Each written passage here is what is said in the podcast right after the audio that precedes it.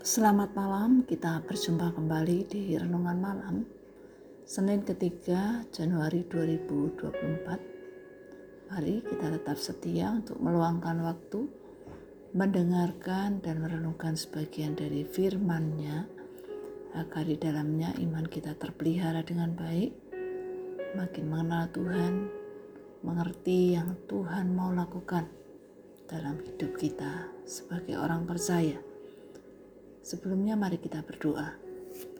Bapa yang di surga kami berterima kasih oleh karena anugerahmu kami diberikan kesempatan untuk kembali mendengarkan dan merenungkan sebagian dari firman-Mu. Biarlah melalui hal ini Tuhan, sungguh membawa kami semakin mengenal Tuhan dan iman kerohanian kami terpelihara dengan benar. Kami makin mengenal Tuhan, mengerti yang Tuhan mau lakukan melalui hidup kami. Berbicaralah ya Tuhan, kami siap untuk mendengar. Dalam nama Tuhan Yesus kami berdoa. Amin. Kisah para Rasul pasal 16 Paulus datang juga ke Derbe dan ke Listra. Di situ ada seorang murid bernama Timotius. Ibunya adalah seorang Yahudi dan telah menjadi percaya, sedangkan ayahnya seorang Yunani. Timotius ini dikenal baik oleh saudara-saudara di Listra dan di Ikonium. Dan Paulus mau supaya dia menyertainya dalam perjalanan. Paulus menyuruh menyunatkan dia karena orang-orang Yahudi di daerah itu. Sebab setiap orang tahu bahwa bapaknya adalah orang Yunani. Dalam perjalanan keliling dari kota ke kota, Paulus dan Silas menyampaikan keputusan-keputusan yang diambil para rasul dan para penatua di Yerusalem dengan pesan supaya jemaat-jemaat menurutinya. Demikianlah jemaat-jemaat diteguhkan dalam iman dan makin lama makin bertambah besar jumlahnya.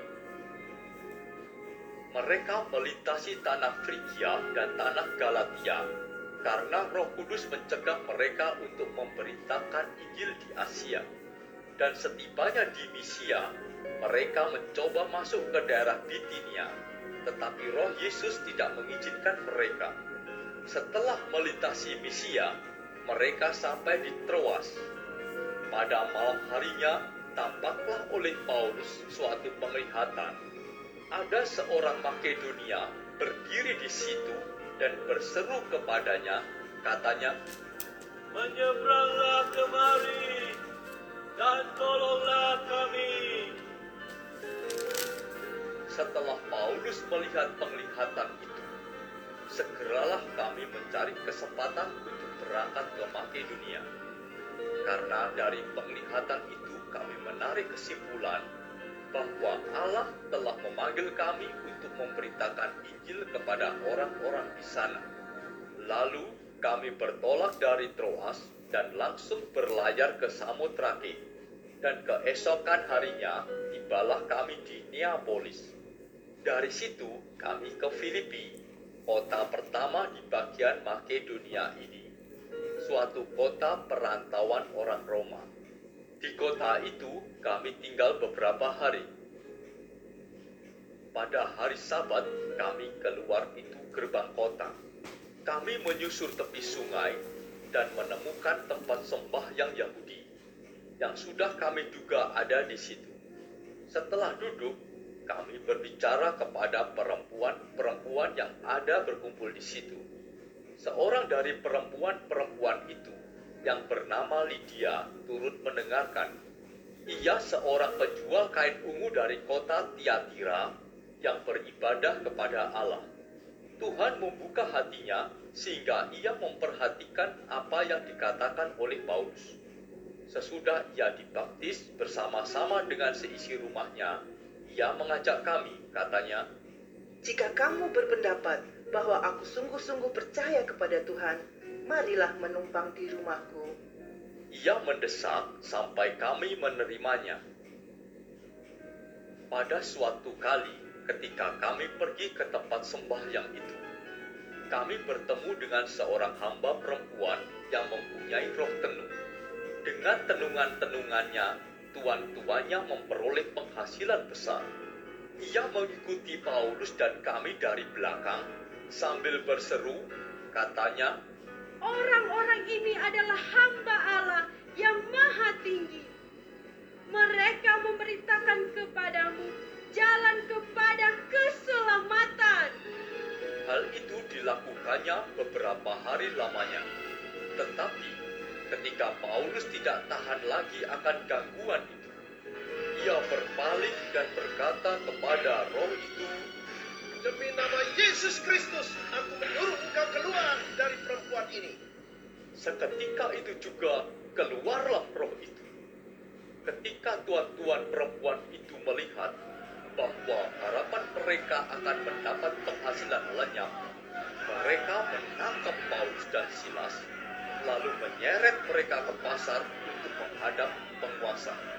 Setelah mereka membawa keduanya menghadap pembesar-pembesar kota itu, berkatalah mereka, katanya, Orang-orang ini mengacau kota kita ini karena mereka orang Yahudi dan mereka mengajarkan adat istiadat yang kita sebagai orang Rum tidak boleh menerimanya atau menurutinya. juga orang banyak bangkit menentang mereka. Lalu pembesar-pembesar kota itu menyuruh mengoyakkan pakaian dari tubuh mereka dan mendera mereka. Setelah mereka berkali-kali didera, mereka dilemparkan ke dalam penjara. Kepala penjara diperintahkan untuk menjaga mereka dengan sungguh-sungguh. Sesuai dengan perintah itu, kepala penjara memasukkan mereka ke ruang penjara yang paling tengah dan membelenggu kaki mereka dalam pasungan yang kuat. Tetapi kira-kira tengah malam, Paulus dan Silas berdoa dan menyanyikan puji-pujian kepada Allah dan orang-orang hukuman lain mendengarkan mereka. Akan tetapi, terjadilah gempa bumi yang hebat, sehingga sendi-sendi penjara itu goyang. Dan seketika itu juga terbukalah semua pintu dan terlepaslah belenggu mereka semua. Ketika kepala penjara itu terjaga dari tidurnya dan melihat pintu-pintu penjara terbuka, ia menghunus pedangnya hendak membunuh diri karena ia menyangka bahwa orang-orang hukuman telah melarikan diri. Tetapi Paulus berseru dengan suara nyaring, katanya, Jangan celakakan dirimu, sebab kami semuanya masih ada di sini. kepala penjara itu menyuruh membawa suhu, lalu berlari masuk dan dengan gemetar tersungkurlah ia di depan Paulus dan Silas. Ia mengantar mereka keluar sambil berkata, Tuan-tuan, apakah yang harus aku perbuat supaya aku selamat? Jawab mereka, Percayalah kepada Tuhan Yesus Kristus, dan engkau akan selamat, engkau dan seisi rumahmu. Lalu mereka memberitakan firman Tuhan kepadanya dan kepada semua orang yang ada di rumahnya. Pada jam itu juga, kepala penjara itu membawa mereka dan membasuh bilur mereka. Seketika itu juga, ia dan keluarganya memberi diri dibaptis. Lalu ia membawa mereka ke rumahnya dan menghidangkan makanan kepada mereka. Dan ia sangat bergembira bahwa ia dan seisi rumahnya telah menjadi percaya kepada Allah. Setelah hari siang, pembesar-pembesar kota menyuruh pejabat-pejabat kota pergi kepada kepala penjara dengan pesan, Lepaskanlah kedua orang itu. Kepala penjara meneruskan pesan itu kepada Paulus. Katanya, Pembesar-pembesar kota telah menyuruh melepaskan kamu. Jadi, keluarlah kamu sekarang dan pergilah dengan selamat. tetapi Paulus berkata kepada orang-orang itu, Tanpa diadili, mereka telah mendera kami, warga negara-warga negara Roma di muka umum, lalu melemparkan kami ke dalam penjara. Sekarang, mereka mau mengeluarkan kami dengan diam-diam? Tidak mungkin demikian. Biarlah mereka datang sendiri dan membawa kami keluar. Pejabat-pejabat itu menyampaikan perkataan itu kepada pembesar-pembesar kota. Ketika mereka mendengar bahwa Paulus dan Silas adalah orang Rum, maka takutlah mereka. Mereka datang minta maaf, lalu membawa kedua rasul itu keluar dan memohon supaya mereka meninggalkan kota itu. Lalu mereka meninggalkan penjara itu dan pergi ke rumah Lydia. Dan setelah bertemu dengan saudara-saudara di situ dan menghiburkan mereka, berangkatlah kedua rasul itu. Dalam kisah para rasul pasal 16 ini, kita mengetahui bahwa dalam perjalanan pelayanan Paulus dan Silas ke berbagai tempat, bergantung sepenuhnya pada pimpinan Roh Kudus ketika berada di Frigia, Galatia, Roh Kudus mencegah mereka untuk memberitakan Injil.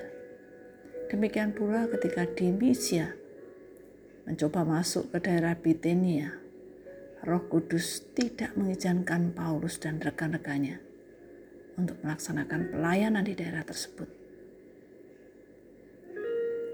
Tetapi kemudian mereka menggunakan kesempatan untuk melayani ke tempat yang lain yaitu ke Makedonia. Tuhan pun telah menyiapkan orang-orang untuk mendengarkan kabar baik. Berkaitan dengan penginjilan, memberitakan kabar baik sangatlah penting mengandalkan pimpinan Roh Kudus. Lydia hatinya telah terbuka untuk percaya mengingatkan kita bahwa pemberitaan Injil sepenuhnya itu bergantung pada Roh Kudus. Paulus dan Silas berdoa menyanyikan puji-pujian kepada Allah dan orang-orang yang berada dalam hukuman pun mendengarkan mereka. Bagaimana seharusnya kenyataan ini memotivasi kita untuk berdoa? Bagaimana kita berdoa untuk sesama yang belum mendengar kabar baik? Kisah terjadinya gempa bumi yang luar biasa. Ketika Paulus dan Silas berada dalam penjara, dan kepala penjara terbangun melihat pintu-pintu penjara yang terbuka, membuat dirinya terkejut, lalu menghunus pedangnya hendak membunuh dirinya karena menyangka bahwa Paulus dan Silas yang berada dalam penjara hendak melarikan diri namun hal ini membawa kepala penjara pada pertobatan dan seluruh anggota keluarga percaya kepada Tuhan. Tindakan Allah dalam membawa manusia kepada Kristus berbeda bagi setiap orang, tetapi anugerah yang sejati dan menyelamatkan selalu menunjukkan dirinya dalam iman dan kepada kasih Allah yang dikerjakan dalam hati orang-orang berdosa. Lydia mendengarkan kabar baik yang disampaikan Paulus. Dan Tuhan pun membuka hatinya lalu percaya. Sedangkan kepala penjara melihat peristiwa yang luar biasa, yaitu gempa bumi yang hebat, lalu percaya bahkan seluruh anggota keluarganya menjadi percaya. Marilah kita meyakini bahwa Tuhan berkarya dengan caranya dan menyadari bahwa Tuhan dapat memakai siapa pun, sarana apa pun, bahkan peristiwa apa pun untuk membawa manusia percaya kepadanya. Mari kita berdoa. Bapa yang di surga, kami berterima kasih. Firman mengingatkan kami bahwa Engkau punya banyak cara untuk menyatakan kasih-Mu, membawa orang berdosa percaya kepadamu. Bahkan Tuhan, Kau juga menolong Paulus dan Silas memiliki kepekaan untuk mengerti kapan melaksanakan perintah Tuhan. bahkan dapat menerima ketika Tuhan belum mengizinkan untuk memberitakan Injil pada suatu tempat.